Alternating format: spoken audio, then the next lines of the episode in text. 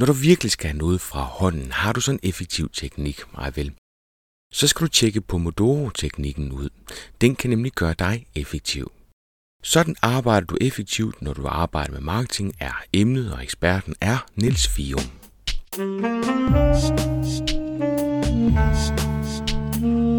Velkommen til Potterkort, en podcast om markedsføring på internettet. Din vært er Ip Potter. Sådan arbejder du effektivt, når du arbejder med marketing. Det er Niels Vium, der med sin samling af den akkumulerede viden og værktøjer fra 5 års research, inklusiv 100 podcast-afsnit om, hvad det er, der skal til for at være effektiv og have mest mulig energi, når man sidder og arbejder med markedsføring. Pomodoro-teknikken blev opfundet af Francesco Cirillo en gang i 80'erne, og det går ud på at dele sine opgaver op i mindre bidder. Og det skal du gøre med en timer, så præcist skal det være. En Pomodoro varer typisk 25 minutter, efterfulgt af 5 minutters pause, og derefter så starter der en ny Pomodoro. Og efter fire Pomodori kommer der så en pause på 15-30 minutter. Alt det kommer Nils nærmere ind på. Han kommer også ind på, hvorfor det er vigtigt at arbejde med sin effektivitet, og hvad man kan gøre ud over at bruge den her simple Pomodoro-teknik. Nils har en særlig interesse for ledelsesudvikling på det personlige plan. Han har igennem det seneste halvandet år opbygget en podcast inden for personlig effektivitet. I podcasten Mindcast interviewer Nils erhvervsprofiler, sportsfolk, politikere og forskere. Mindcast har over 300.000 afspillinger og er blandt andet blevet anerkendt og nævnt i børsen, Berlinske og Forbrugerrådet Tænk. Det er Potterkort så aldrig nogensinde blevet. Prøv at høre, sagt på jysk, så er Nils en af de her unge Duracell-kaniner, der får os andre til at se hammerne sløve ud. Men det skal være slut, for nu skal vi arbejde med tomater og grøntsagssmoothies og rykke for vildt. Emnet er effektivitet, og eksperten er Niels Vium.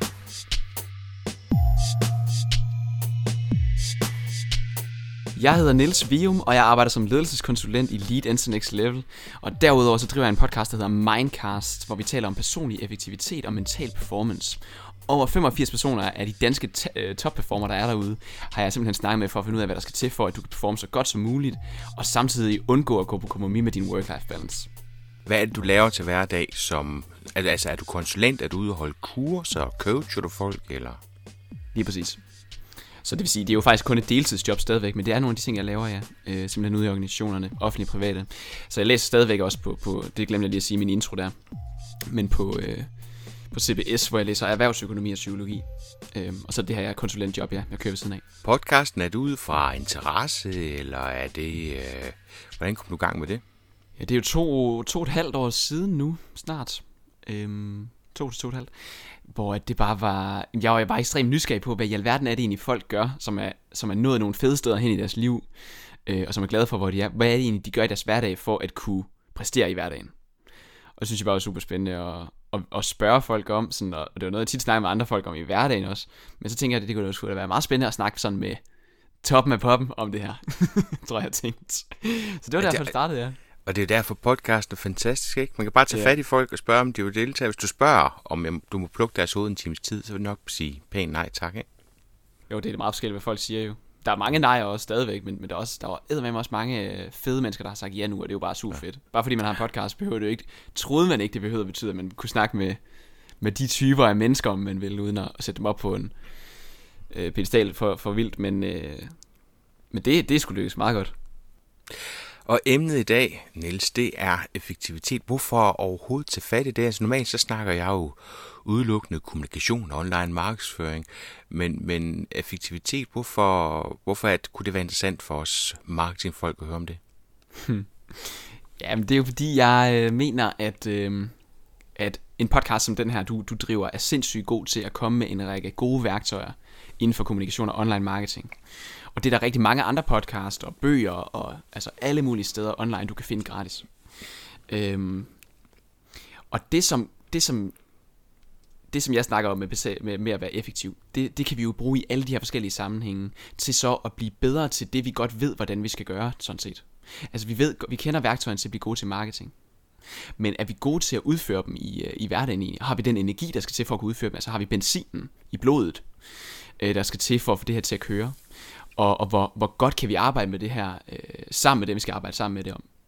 Hvordan definerer du effektivitet? Er det for at kunne være hurtig, eller for at kunne være bedre, eller er det begge dele? Begge dele. Så altså jeg ser faktisk tit effektivitet også ud fra det hele menneske, så det vil ikke sige kun at nå mest muligt på kortest tid. Det er selvfølgelig den store del af det. Og det, men det betyder også at nå ja, det bedste. Øh, og så betyder det generelt bare egentlig, hvis du kan, hvis du kan blive effektiv og blive altså performe godt i din dagligdag, så mener jeg jo også, at du kan blive en, den rigtige, den gode version af dig selv.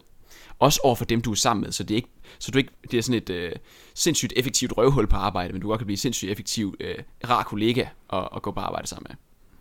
Okay. Så hvad vil det sige at være effektiv? Kan du ikke prøve at definere? Jo. Øh, måske også være det modsatte effektiv egentlig? At det bare at være, være dorsk?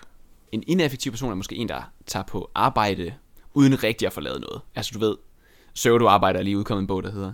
Øhm, men det handler så om specifikt, hvad det er for noget form for arbejde, vi måske arbejder effektivt med, men som ikke rigtig giver nogen værdi. Så kan det her være, hvis du bare går på arbejde, og når du går hjem, så ved du ikke rigtig egentlig, hvad du rykkede med den dag. Fordi du faldt jo meget i snak med nogle kolleger. Øh, du havde ikke lige energien til at øh, klare den vigtigste opgave. Du kom til at prokrastinere, øh, så du fik, lavet nogle, du fik sendt nogle mails og sådan noget, rimelig standard, men du fik ikke rigtig skabt værdi den dag. Og det kan jo være mange årsager til, at du ikke gjorde det. Der, hvor jeg mener, at når du arbejder effektivt, så er det, det, altså, så er det jo der, hvor du virkelig får skabt værdi i løbet af en dag. En arbejdsdag som altså 8 gyldne, måske 9 gyldne timer, eller efter hvor lang tid du arbejder. Som du har mulighed for at virkelig ændre noget på, på de timer. Og dem, der er effektive, det er dem, der ændrer noget på så kort tid også. Kan man være effektiv i 8 timer? Det er ikke sikkert, nej. Men du kan godt have været mere effektiv i 8 timer, end, øh, end du kan, altså, end andre. Øh, så jeg er faktisk enig, og en god pointe jeg tror ikke på, at man kan være fuldstændig effektiv i så lang tid. Og det er også derfor, jeg dikterer meget, at pauser er vigtige. Øh, eller ikke dikterer, prædiker, at, altså, altså, hvor vigtigt det også er at tage en pause. Dem, der er ineffektive, ved de godt, de er ineffektive. Jeg sidder selv og tænker på, om, om jeg er effektiv. Altså, du kunne jo hurtigt spørge mig, om jeg kunne være mere effektiv, men det vil alle folk vel sige, sige ja til. Øh, men, men hvornår ved man, hvornår man er effektiv? Er det først, når man har sådan en plan i hovedet, som man, man går efter, eller kan man godt være effektiv, fordi man bare er effektiv? Mm. Altså jeg tror tit, så, øh, så tror jeg, det handler om, om du også er drevet.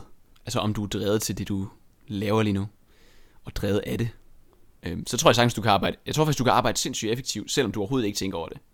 Mm. Og du kan også godt være sindssygt ineffektiv, selvom du ikke tænker over det. altså hvis du nu virkelig brænder for et eller andet specifik op, en opgave, du sidder med lige nu, så kan du sagtens bare knokle dig ud af, glemme tid og sted, være i flow, lad dig ikke blive afbrudt, fordi du skal videre med det her, du synes er sindssygt spændende. Det vil være noget, der gør, at du performer godt og er effektiv, det er klart. Øhm, det som grund til, at jeg snakker om det her, det er for at hjælpe folk til at blive bevidste om, om de er effektive eller ej, så jeg er glad for, at du bruger noget tid på at tænke over, kan vide, om du egentlig er det eller ej. altså blive bevidst om, hvordan, ikke at, om, om jeg, at jeg skal være effektiv nødvendigvis heller, men bare, hmm, det kunne være meget fedt at lige tænke lidt over, hvordan lever jeg egentlig mit liv lige nu, eller hvordan går jeg på arbejde, og hvordan vil jeg gerne gå på arbejde. Og så derefter, når man så bliver oplyst om, okay, hvad kan jeg så gøre anderledes, så kan man jo træffe nogle bevidste valg om, okay, så det, her, det kan være, det er det her, der virker for mig så. Så den ene ting her kommer jeg til at gøre anderledes fra nu af. Fordi inden vi gik i gang med podcasten her, snakkede vi lige præcis om, om, øh, om, om mit forhold til nogle af de ting, som jeg, har, øh, som jeg går rundt og laver. Der var en, der på et tidspunkt kontaktede mig, fordi at han ville lave en podcast omkring det at være effektivt, fordi med alt det jeg nåede, så må jeg være rigtig effektiv. Og jeg føler mig bestemt ikke effektiv. Jeg er meget løsbetonet i alt, hvad jeg laver. Øh, til gengæld, når jeg brænder for noget, så, så får den så også fuld skrald. Ikke? Øh, så hvad vil jeg kunne gøre? Altså, hvad for nogle teknikker bruger du selv, når du skal være effektiv? Har du nogle bestemte teknikker, du selv bruger til hverdag, eller er det en samling en hel masse ting, fordi du ved så meget om det? Hmm. Altså, jeg har jo snakket med rigtig mange mennesker, der ved noget om det her, så man kan ikke rigtig undgå at samle enormt mange ting ind, øh, som man kan bruge. Det betyder jo også, at man skal samle, øh, men også vælge fra. Altså virkelig vælge fra en masse af de her effektivitetsværktøjer. Øh, og øh, noget af det, jeg selv bruger, det er Pomodoro-teknikken. Det betyder øh, tomat på italiensk. Pomodoro. Pomodoro-teknikken, ja. Yes, og det er det, det eneste, det går ud på, det kan du bruge i alle former for vidensarbejde.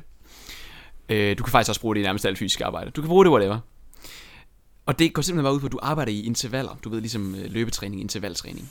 Så mm. arbejder du her, hvor du på forhånd har struktureret. Nu sagde du, at du ikke var struktureret, Ip. Mm. Øh, så det kan være, at det bliver en kæmpe udfordring for dig at skulle prøve det her. Det gør det helt sikkert. og det kan være mange derude, der sidder og tænker, det skal jeg aldrig nogensinde i gang med. Det kan også være, at nogen sidder og tænker, det kunne være spændende at prøve. Så du arbejder for eksempel i 25 øh, minutter. Non-stop, du må ikke blive afbrudt i de her 25 minutter. Så arbejder du, eller så holder du simpelthen en pause på 5 minutter. Og så arbejder du 25 minutter igen, og pause 5 minutter, og så kører du videre sådan der fire gange. Og så holder du en lidt længere pause på et kvarter 20 minutter. Det er sindssygt effektivt. Øh, og det er det bare fordi, at du, når du øh, sætter den timer der for det første, så sker der et eller andet magisk. Jeg kan ikke helt forklare. Det, det, den magiske øjeblik, jeg snakker om, det er ikke forskningsbaseret, det, det jeg fortæller der. Men jeg vil love dig, hvis du prøver, at du sætter den timer, og du ved, nu skal du arbejde næste 25 minutter. Du må ikke lave andet end den opgave, du lige har sat dig for. Så kommer du til at knokle. Det er lidt den måde, man breaker et tom Word-dokument på, hvis du så skal skrive noget. Det er ved at sætte sådan en timer der. Og det, der så også sker, nu er vi over i det videnskabelige, det er, at når du har arbejdet på en specifik opgave koncentreret i 25 minutter, og du så holder en pause på 5 minutter, hvor du overhovedet ikke rører den opgave, så vil din hjerne stadigvæk bearbejde og prøve at løse opgaven, selvom du ikke sidder med den. Så det vil sige, hvis du øh, tager armbøjninger, går ud og henter kaffe, eller snakker med en kollega, eller faktisk også tjekker din telefon, så vil du stadigvæk øh, så vil din hjerne stadigvæk underbevidst arbejde på, den, på at løse opgaven. Så når du kommer tilbage, så, så har den nemmere ved at finde ud af, hvad næste skridt er. Hvis du sad nu og var gået lidt fast, kender du det? Går i stå i en opgave, så kan det yes. nogle gange hjælpe at tage den her pause. Du kommer ud, kommer tilbage igen, og så ved du præcis, hvor du skal starte. Så 25 minutter, Niels, er det så på én opgave? Det må det være. Jeg må helst ikke skifte mellem de der opgaver. Så det er 25 minutter med én opgave, og så 5 minutters pause. Er det så den samme opgave, som jeg arbejder videre med, eller skal jeg over i en anden opgave de næste 25 minutter? Det er præcis den samme opgave. Præcis og det fede er, at hvis du, fordi det sværeste ved det her, det er faktisk at overholde timeren. Altså nu har jeg snakket med rigtig mange ledere og medarbejdere om det her, som, som prøver det af, og så er det sådan, ja, men jeg har ikke lyst til at stoppe, når timeren går, siger de så. Mm. Og det er jo fordi, at de sidder, de er kommet i flow-stadiet for en gang skyld. Vi, vi er så få, der øh, nogensinde kommer i flow-stadiet på det tidspunkt øh, i verdenshistorien 2018. Altså, vi har så sindssygt meget information, der kommer ind af alle kanaler, som kan forstyrre os. Og vi har også åbne, åbne kontorer og alt muligt andet til at forstyrre os fysisk. Altså, der kommer folk på og prikker os på skulderen osv. osv. Og det betyder bare, at vi er så svært ved at komme i flow, at når vi så endelig gør det, så er vi vilde med at være der. Vi glemmer tid og sted. Vi er bare i ét med opgaven. Og det, det tror jeg, vil jeg ved med, at du har prøvet sygt mange gange det her, Ip. Hvis du er sådan en øh, løsbetonet fyr, der, der, når du så arbejder, så er du all in på det. Så kender du godt det her flow state, ikke også? Mm-hmm. Og det, der så sker, det er jo, at man har ikke lyst til at komme ud af den, så man, øh, så man arbejder over 25 minutter. Og problemet med det, det er, at så kommer du til at arbejde dig selv færdigt. Så kommer du til simpelthen til at, til at øh, og det er ikke sikkert, det er et problem for alle, men det er det, jeg har oplevet klart det største problem for, for de fleste her, det er, at de kommer til at arbejde sig selv, så de ikke gider mere. Mm. Især hvis de ikke er lystbetonet med en opgave, de er helt vildt tosset med lige nu. Det her det er en måde at tvinge sig selv faktisk til at blive glad for en opgave. det lyder lidt mærkeligt, men selvom det ikke er den vildeste opgave, som det, det er jo ikke hver dag, vi går på arbejde og skal, kun skal lave gode, sjove opgaver. Det er det for de færreste. Men hvis du kommer hen på arbejde, går i gang med det her, så, så er det vigtigt faktisk, at du stopper efter de 25 minutter. Fordi så ved du præcis, hvor du skal starte igen, når du kommer tilbage hvad må jeg gøre i de der 25 minutter? Jeg går ud fra, at jeg må ikke tjekke mail, og telefonen skal være på lydløs. minutter, jeg sidder i et åbent... Øh, hvad for noget? Imens du arbejder, eller i pausen snakker vi nu? Men, mens jeg arbejder. Ja, ja, ja. Og så, så jeg går ud fra, at jeg skal slukke for alle de ting der. Og så skal jeg hejse et eller andet flag, så alle kollegaerne de holder op med at komme hen og prikke mig på skulderen. Og så tager jeg mit Bose-headset på, hvor der er sådan en noise cancelling i. Og så er jeg koncentreret 25 minutter. Er det sådan der? Ja, det vil være den uh, ultimative uh, bedste måde at gøre det på, simpelthen. Så hvis jeg har brug for nogle kollegaer, så skal jeg også sørge for at have tappet den for den viden, jeg skal bruge, så jeg har dem inden for mine 25 minutter, og ikke er nødt til at rejse mig over og, og skal have noget fra det med, ikke? Yes, så det vil sige, hvis du, også hvis du kommer i, spørg- i tanke om alle mulige ting, du skal bruge hjælp til, øh, imens du sidder der, så noterer du bare det ned på din øh, computer okay. i et dokument siden af. Så skal du bare alle spørgsmål ned, du skal bruge, alle hjælp, du skal bruge. Og når det så er tid til pause, eller efter de 4 gange 25 minutter er gået, så er du indsamlet al den her information til næste gang, du sidder med opgaven. Hov, men må jeg samle informationer ind i de der 5 minutter, eller er der der krav til, at jeg skal netop ikke lave noget, så skal jeg ned til kaffemaskinen, eller... Ja, det er faktisk et godt spørgsmål. Der vil nogen måske forvrænge det nok til at sige, jeg må godt, hvis det tager to minutter. Jeg skal bare sørge for at komme tilbage, inden de fem minutter er gået. Mm. Men det dur bare heller ikke, at du sidder og, at du kun er, fordi så får du ikke rigtig holdt pause. Jeg vil hellere vente til de 4 gange 25 minutter er gået, og så vente til den lange pause. Fordi at ellers så får din hjerne ikke tid til at slappe af i de 5 minutter, og så skal du tilbage i dyb flow-stadie med det samme. Og så er det bare svært at, så bliver du fuldstændig udkørt i slutningen af dagen, så er du helt færdig der. For så har du været på, koncentreret i så mange timer, at, øh, ja, at det, det bliver hårdt for hjernen. Cool. Så, og så efter de første to timer, hvad gør jeg så? Får jeg så en længere pause, eller var det det for den dag, så må jeg ellers bare flande rundt, som jeg har lyst til, eller... Altså, det er lige før, jeg vil sige, at hvis du knokler i øh, 4 gange 25 minutter koncentreret, så har du nået mere, end mange mennesker gør på en hel dag. Okay. Og det er uden pis. Du når hjernedødt meget mere, end du plejer at gøre, hvis du ikke er vant til at arbejde på den her måde koncentreret. Jeg kan jo ikke sige til alle, at der arbejder marketing, at hold kæft, man, I er dårlige til at koncentrere normalt. Det sådan er det jo helt sikkert ikke, og I har alle mulige måder, I normalt arbejder på. Og det er heller ikke sikkert den her metode for jer. Jeg kommer bare med den for at sige, det er noget af det, jeg har oplevet, der har været absolut mest effektivt i alle organisationer, jeg har været og snakket om det her. så er de vendt tilbage og sagt, okay, det er for vildt det her. Vi når langt mere end normalt. Og øh, jeg, jeg, jeg vil bare våge påstå, at du i hvert fald kan nå mere end, end 4-5 timers almindelig arbejde i de her to timer, hvor du knokler i Pomodoro-teknikken. Øhm, så efter de, men efter de to timer er gået, så holder du ja en længere pause på 5, 15 minutter, måske 25 minutter derimellem. Der er tid til at lige få en snack, øh, gå en tur udenfor, hvis det er det eller, eller hvad der nu skal til, for at du kan lige slappe lidt af i hovedet, inden du går tilbage til næste 4 gange 25 minutter der. Ja. Nogle af de gange, hvor jeg er mest effektiv, men det er ikke helt det samme, men lidt derhen af, det er, når, øh, når jeg har været et sted hen, hvor jeg har en god køretur, enten hjem til kontoret eller helt hjem. Lige pludselig kan det ramme mig, at jeg er noget af en, jeg har gået pusle med længe. Lige pludselig falder det plads i mit hoved. Og når jeg så krænger bilen over og tager computeren frem og sidder på en parkeringsplads, så får jeg lavet noget på ingen tid i forhold til, hvad det vil tage mig, hvis nu jeg har sat mig for, at på mandag kl. 8, der tager jeg fat i den der opgave. Hmm. Grineren. Men det er så lidt snyd, fordi det er, det er fordi, når, når først tingene falder på plads i mit hoved, så har jeg bare brug for at, at få det nedfældet, så jeg har gået med det i længere tid.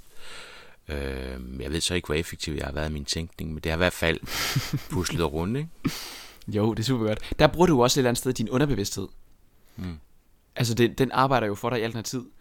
Øh, det er jo ikke sikkert, at du altid tænker over den her opgave, men din hjerne arbejder stadig på at få den, altså, ja, nemlig få den, få den så klar i hovedet, at du bare kan fyre den ned i et Word-dokument, eller hvad det måtte være, på meget, meget, meget kort tid. Og det er netop det her, vi prøver at aktivere, det hedder inkubationsfasen i de her 5 minutters pauser, som faktisk er en kreativ fase, hvor vi, altså vi, vi, vi stopper med at prøve, hedder det også. Altså vi stopper med at prøve at og koncentrere os. Og det gør bare, at hjernen den lige pludselig får sådan et, ah, okay, nå, det er bare det der, der skal til. Altså det er sådan en befriende fornemmelse, den får. Og det kan den bare bruge til rigtig, rigtig meget. Niels, jeg kan ikke være med at tænke, øh, at strukturerede mennesker er mere effektive end os, der ikke er strukturerede. Er, er det rigtigt forstået, eller er, er det bare en anden form for effektivitet? ja, så er vi også tilbage ved, hvad vil det sige at være effektiv. Altså hvis vi nu tager, hvis vi nu tager et 10 års spænd på arbejdsmarkedet, en person, der er øh, mega struktureret, har styr på øh, kasserne, og en person, som er, hvad du kalder kreativ, altså sådan, har ikke rigtig styr på alle bolde, der kaster op i luften, griber måske et par stykker af dem, øh, mere løsbetonet fyr. Så vil du jo øh, i mange tilfælde, tror jeg stadigvæk, se, at det er den kreative person, som har noget, det, altså skabt mest værdi for sig selv og sine omgivelser, eller hvordan man nu vælger at definere det at have lykkes mm. med noget og have været effektiv med det. Øhm, der tror jeg sagtens, det kan være den kreative, der har noget mest, fordi du kan godt være mega effektiv med noget værd lort. Du kan godt være sindssygt struktureret effektiv men noget, der bare ingen værdi skaber. Og, øh, og så på den måde kommer det ikke til at give nogen mening alligevel for dig. Så jeg synes slet ikke, der er nogen på den måde, de har en fordel. Jo, de har en fordel, hvis det handler om øh, at, de, at, at de træffer bevidste valg om, hvad jeg også skal skabe værdi med. Og nu hvor jeg ved, åh, det er den her ting, jeg skal lykkes med, men jeg er bare så dårlig til at koncentrere mig, så det hjælper det at blive struktureret omkring det. Men det er ikke sikkert, at det hjælper for alle, der er en personlighedsting. Øhm, og så er det slet heller ikke sikkert, at det er dem, der lykkes bedst af alle dem her. Fordi hvis du er så lystbetonet, at du stadigvæk bare har så meget lyst til alle de her opgaver, så arbejder du jo også godt med dem. Og kreativt med dem. Og det kan godt være, at det er klart, at det der er fordelen så. Så, øh, så jeg vil mere sige, træf bevidst valg om, hvad virker så for mig, nu vil jeg prøve det her af og så se på, okay, virker det her for mig, virker det ikke? Øhm, hvordan kan jeg blive bedre til det? Øhm, og så og jeg, jeg, jeg, jeg synes netop den der med, med og det, det, det med ordet effektiv, jeg tænker hele tiden sådan, du har selvkanin, der hopper rundt, ikke? Og i virkeligheden, så, så handler det her om at blive mere effektiv ud fra der, hvor du står lige nu, altså ud fra, om du er det ene eller det andet, så kan man altid blive mere effektiv. Er marketingfolk generelt effektive, eller er det som alle andre? Jeg tænker, du må møde rigtig mange forskellige typer derude. Har du, har du en holdning til det med marketingfolk? Jeg tror faktisk ikke, jeg har den helt store holdning til lige præcis marketingsfolk. jeg tror, jeg tror, men jeg, okay, det jeg, tænker, det jeg tænker, når du siger det, det er, øh, fordi når jeg er ude og snakke om for eksempel Pomodoro-teknikken, så er der mange, der siger, når jeg sidder i møder hele dagen, hvad gør jeg? Så siger jeg til dem, strukturer dem efter 25 minutters intervaller. Men så siger de, hvad hvis de andre ikke er med på det, så, videre, så kører den ud af den der. Men, øhm, men, men der kan bare være så mange andre former for arbejde, hvor det faktisk ikke er lige så meget muligt, at kunne overhovedet sætte sig i 25 minutter og arbejde koncentreret. Mm. Og der kan det faktisk godt være, at marketingfolk har, alt efter hvad for noget marketing de laver, så det jeg tænker, når jeg tænker marketing, det er en masse form for online marketing, hvor du sidder ved en skærm, og ikke altid snakker med en kollega om, hvordan vi gør det her bedst. Og selv hvis du gør, så er det ikke nødvendigvis et helt bord med 10-12 mennesker, men måske to og to i nogle teams, eller sådan nogle mindre teams, hvor man arbejder i sprints, eller hvad ved jeg. Så der tror jeg egentlig, at marketingfolk er super effektive. De kan også godt være, at de er kreative, som du er, hvor du arbejder, altså hvor du virkelig tænker, okay, hvordan i alverden kan vi markedsføre den her virksomhed eller det her produkt på en fuldstændig mindblowing måde, som ingen har set før. Så det kræves jo også. Men jeg tænker egentlig, at det er i marketingafdelinger, man har mest, altså meget mulighed for, også at arbejde struktureret med nogle af de her effektivitetsværktøjer, som jeg kender til i hvert fald. Hvad tænker du? Ja, ja rammerne er til det. Jamen, det kunne jeg sagtens forestille mig. Har, har du været nogle steder, hvis nu jeg skulle have indført det her, eller prøvet det af, give budet om, der er nogen, der kan prøve det af, hvis nu jeg skulle gøre det ned i CO3, øh, er det så sådan noget med, at, at man gør det, gør det fælles? Eller er det netop vigtigt, at man sidder selv og timer sig selv og, og er sit eget flow? Ja, men det er et skide godt spørgsmål. Det har jeg også fået mange gange. Øhm, og der, det kan man gøre begge dele simpelthen. Øhm, altså det kan man også gøre på universitetet, hvor jeg altså der, der har jeg tit sådan i mit gruppearbejde indført Pomodoro-teknikken, så vi simpelthen, det har jeg været lidt på Har du svært at finde nogen at være i gruppe med, eller hvad? ja. nej, øhm, nej, og det er sjovt, fordi det skal man også lige mærke efter, hvor er folk lige, og det er jo, der er også nogle ting, det er tosset. Men der er faktisk rigtig mange, som når vi ender med at så prøve det af, selvom de er lidt, stejler lidt over teknikken og sådan noget til at starte med, så er det sådan, ej, det er sgu meget godt det her. Det kører, det kører jo super godt, fordi alle har jo interesse i at forlade et godt produkt, og ikke prøver, altså ikke behøver at sidde til klokken 12 om natten hver nat i eksamensperioden. Så der er det sådan, okay, vi når det mere på kortere tid, så det er super nice. Øh, men det betyder jo bare, at når vi så sætter os der og arbejder på hver vores opgave, i, lad os sige en gruppe af fem her, og det kan du også gøre med hvilken som helst team i marketingafdelingen. Vi så arbejder på hver vores del af opgaven, altså jeg har mit næste skridt, jeg skal videre med, du har dit. Så kan man sæt, sagtens sæt, øh, sidde sammen, og så sidde øh, og simpelthen tage en timer. Så når det er 25 minutter, de er gået, Altså arbejde 25 minutter, og så når de er gået, så holder man bare en pause. Øhm, fordi det betyder, at så forstyrrer man heller ikke hinanden jo. Fordi så er man jo alle sammen i det flow state på samme tid. Og så kan man jo øh, sniksnakke bagefter. Så skal man selvfølgelig passe på, at man ikke går i, øh, kun i snak om arbejdet i de 5 minutters pauser der, men så kan man så faktisk vælge at, øh, at, at bruge en hel 25 minutters interval på at snakke igennem okay, jeg har skrevet de her tre spørgsmål ned, jeg skulle snakke med jer om øh, næste gang, vi, øh, vi går i sådan et, øh, et sprint. Og så har du nogle andre, har nogle andre spørgsmål. Så tager man alt det her igennem i løbet af 25 minutter på den måde. Det handler bare om, at man får struktureret, så man ved, hvad det er, vi arbejder med nu. Og vigtigst af alt, at vi ikke bliver forstyrret i mellemtiden. Hvad vil du sige er den største barriere? Hvor er det, vi fejler henne i forhold til det med at være effektiv? Ja, det med forstyrrelserne helt klart. Mm. Altså, vi, øh, der er så meget information. Mobilen ringer, der er mails, der er sociale medier, Øhm, og det siger jeg ikke kun for os unge, så er jeg 24 år gammel, for det er jo meget os. Og dem, der er endnu yngre nok mere endnu, øhm, som meget bruger sin telefon til sociale medier. Men jeg tror, ja, det er også voksne mennesker over det hele. Altså, og det ved vi jo bare. Øhm, at, at der bliver scrollet på, på, på feeds, men mest det der med, at man bliver, altså man bliver, der er en, der skriver til en. Og man får notifikationer om, at ting er sket, der vedrører mig. Og det er jo fordi, det center i hjernen, øh, altså, som, som, altså, som fanger det her, det er det, der udskiller dopamin, som er det, der gør, at vi, vi får en følelse af succes, en følelse af, at vi har vundet, øh, en følelse af, at vi er gode, og vi er blevet set, og det vil vi gerne, det søger vi hele tiden. Øh, det er jo en lykkefølelse, at nogen har set os, at vi har fået den her notifikation, som handler om os. Og derfor bliver vi bare... Altså det er jo det, alle dem, der er ude og snakke omkring mobilafhængighed lige nu, de, de, de snakker om det her. Mm. Imran Rashid som godt eksempel, øh, der er læge, og, og bare er ja, fuld, gået fuld on uh, all in på det her med mobilafhængighed, fordi han gerne vil for, gøre en forskel i Danmark i forhold til det. Øhm, ja, og det, det er bare det her med, at hjernen vil så gerne have det her, ligesom den gerne vil have slik, øh, og hvad ved jeg, stoffer. det er det samme, der sker, øh, mere eller mindre. Øh, og som man også kan blive afhængig af, og det gør bare, at man, øh, at man har sådan nemt ved at blive forstyrret, og det er derfor, vi ikke når en skid på arbejdspladsen i rigtig mange øh, organisationer. Sorry, men man kunne nå meget, meget, meget, meget, meget mere, hvis man bare eliminerede det ene, øh, der hed, okay, lad os sige, du tjekker mail to gange om dagen i stedet for. Øh, lad os sige, øh, at du ikke lader dig blive forstyrret, mens du arbejder øh, koncentreret. Og, øh, og lad os sige det der med, altså dit telefon, og lad os sige det der med sociale medier, det holder du også på et minimum, og gør det bare i pausen. Og så, så er der masser af tid til at tjekke alt det, når du kommer hjem, egentlig, dybest set. Så tilbage til tomatteknikken, så er så det er også et, igen en, en grund til at, at tage fat i det, fordi så har man i hvert fald de der 25 minutter, hvor man, hvor man lukker helt af. Ikke? Det er sjovt, når jeg er ude og snakke med folk om det her, så spørger jeg mig også nogle gange sådan, okay, hvornår er det sidste gang, du egentlig kunne sætte dig ned og arbejde altså fuldstændig uforstyrret i 25 minutter? Der er ikke særlig mange, der kan svare ja. Mm. Det synes jeg er sindssygt. Cool. Niels, kunne vi slutte af med øh, tre ting, som enhver marketingperson bør gøre her nu for at blive mere effektiv? ja. Øhm, den ene det er jo Pomodoro-teknikken. ja. Og der vil jeg sige som en lille bonus, øh, øh, giv det den chance, at du prøver det af i de to timer der. Det er det, man skal sætte af, hvis man skal sidde og overveje at gøre det her lige nu. Så gør det, at du sætter to timer af i din kalender. Øh, simpelthen bokser det ind har du en kalender, Ip, selvom du ikke er struktureret? Har du sådan en kalender? Det kan du tro, ja. Det har du. Okay, så, så er du ikke fuldstændig... Nej, jeg altså... er heller ikke så struktureret, som jeg udgiver mig for at være. altså, du, du mødte også lige til tid, da vi skulle optage det her nu, så altså, det gør jeg. Det faktisk fem minutter i god tid. Ja, altid til tiden. Det er lidt sjovt. Ja, det er super godt. Øhm, nå, ja, så du simpelthen bokser det ind i din kalender, det her to timer af. Og så, øh, og så ved du, du skal vide på forhånd, hvad det er for en opgave, du kommer til at sidde med her som du har, måske den opgave, du har længes efter at få færdiggjort tusind år, men du gider ikke, fordi den er tung, træls og vigtig, men ah, den haster ikke så meget lige nu måske, eller hvad det måtte være, der gør, at du ikke har fået det gjort. Og, øh, og ja, så sørg for at holde de 5 minutters pause, så snart timeren er gået, fordi det er der, folk fejler med det her. De kommer til at arbejde sig selv færdigt, og så ryger de selv ud af det her flow, og kommer ikke tilbage til Pomodoro-teknikken. Øh, det er nummer et. Øh, så vil jeg godt tage fat i et andet element, der jo også er i alt det her med effektivitet. Og det er, hvordan, altså, hvor godt du præsterer mentalt, som kan gøre dig effektiv, eller ineffektiv, hvis du ikke gør det.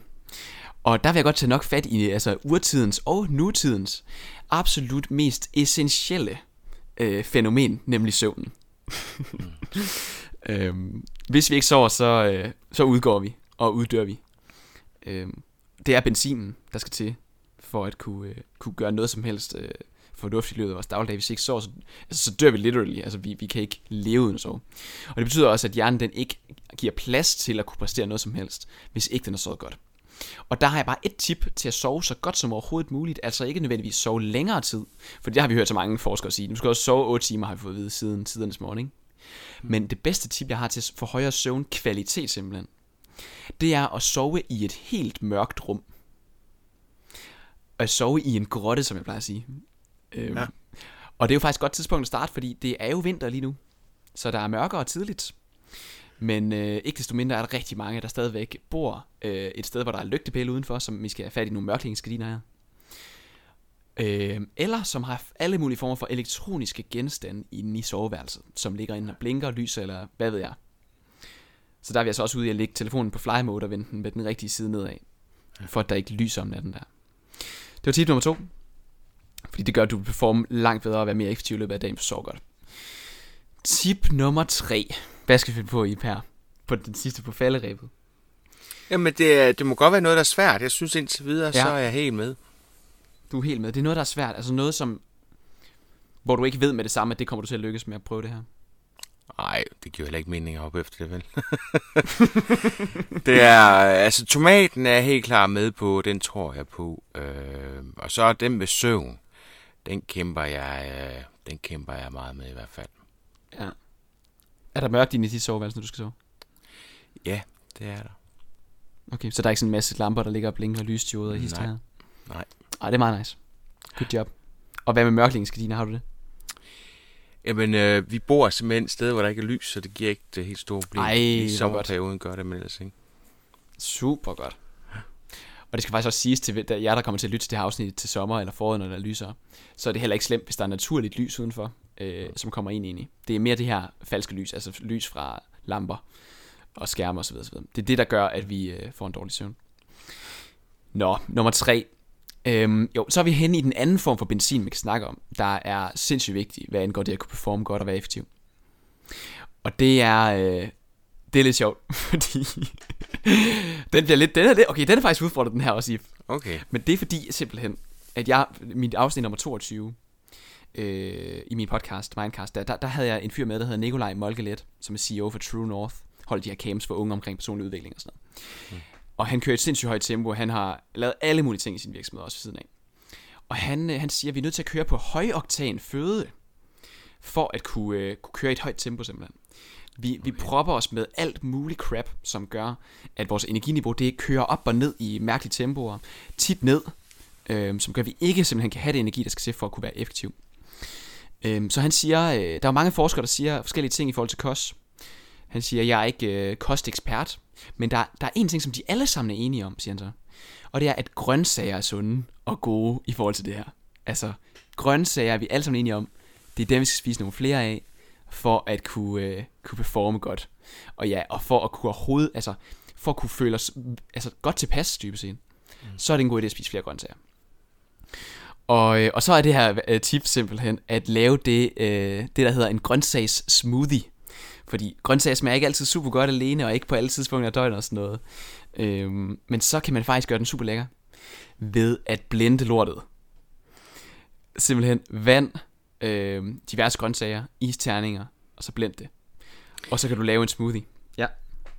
Ja, fordi det, det er, min, ko, min kone har købt sådan en maskine, og den starter så med, at man har 70% frugt, og så 30% grøntsager, så bliver man mere og mere hardcore ved at skære ned på frugten op for det grønne. Og til Smart. sidst er det virkelig sådan, så røvhullet det swooper. Altså, det er bare... ja. kan du godt. Altså det er lige præcis det, fordi problemet med frugten er jo selvfølgelig, at der er rigtig meget sukker i det. Øh, men det er også det, der gør det smager godt. Så man er sådan, det er godt det der med at tappe ned lige så stille, tror jeg. Fordi så vender, så vender kroppen sig bare til, hvor fucking effektivt og godt det er for min krop lige nu. At jeg får de her ting, der bare kun er godt for mig. Øh, jeg lover, at du kommer til at mærke den vildeste forskel i, sådan den, altså, i din hverdag, bare i dit energiniveau, og dit, dit humør kommer til at ændre sig. Og du kommer ikke til at få det der, så det er fordi, det, det jeg så har gjort, øh, ja, nærmest hver dag de sidste øh, halvandet år, det er, det er, at jeg har drukket det her til, altså sådan simpelthen en halvanden liter af det her hver dag, hvor jeg øh, blender det øh, til tre dage, og så putter det ind i køleskabet, godt lukket til med noget film, og en, altså det er en margrethe så sådan låg på os, ud over filmen. Og så holder det tre dage, så kan jeg bare stoppe og drikke det der. Og så drikker jeg det til alle mellemmåltider, der er. Og så morgenmad. Så det vil sige, frokost spiser jeg normalt, og aftensmad spiser jeg også normalt. Øh, men den der grøntsagsjuice gør bare, ja, du får alle de vitaminer og mineraler, du skal bruge, alle de antioxidanter, du skal bruge. Øh, og så er det jo også bare, så kan du også bare bruge den der urtidsargumentet med, hvor er det, vi stammer fra? Vi spiser grøntsager back in the days, mm. nu spiser vi øh, pomfritter. Øh, hvorfor tror du, at pomfritter gør dig mere træt i dit hoved? Fordi vi ikke er blevet programmeret til at spise dem. Så det er derfor simpelthen, at grøntsagsjuicen er meget populær for mig. Øh, også da vi er ude og snakke med det, så kommer lederne op der bagefter, og det, det de gerne vil have fat i, det er den der skide opskrift på grøntsagsjuicen. de skulle lige glade med alt det andet. Øh, så får de det. Altså jeg ved ikke, om det er noget, vi kan linke til, måske i show notes, hvordan man så laver den her. Jo, det bliver fint. Mm. Så tomat, mere søvn, og så øh, grøntsager rigtig godt øh, blendet, øh, sådan at man kan få den ned.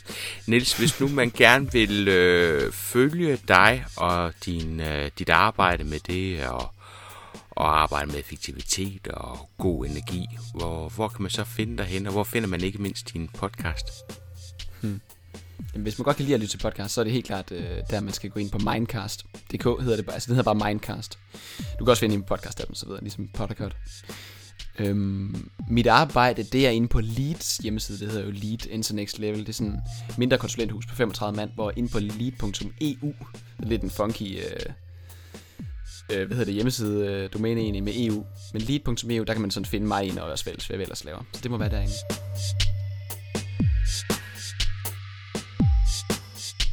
Ene gode sager. Giv lige Pomodo-teknikken et go og se om ikke det får dig effektiviseret. Jeg har i hvert fald tænkt på at give det et skud eller to. Vi høres ved.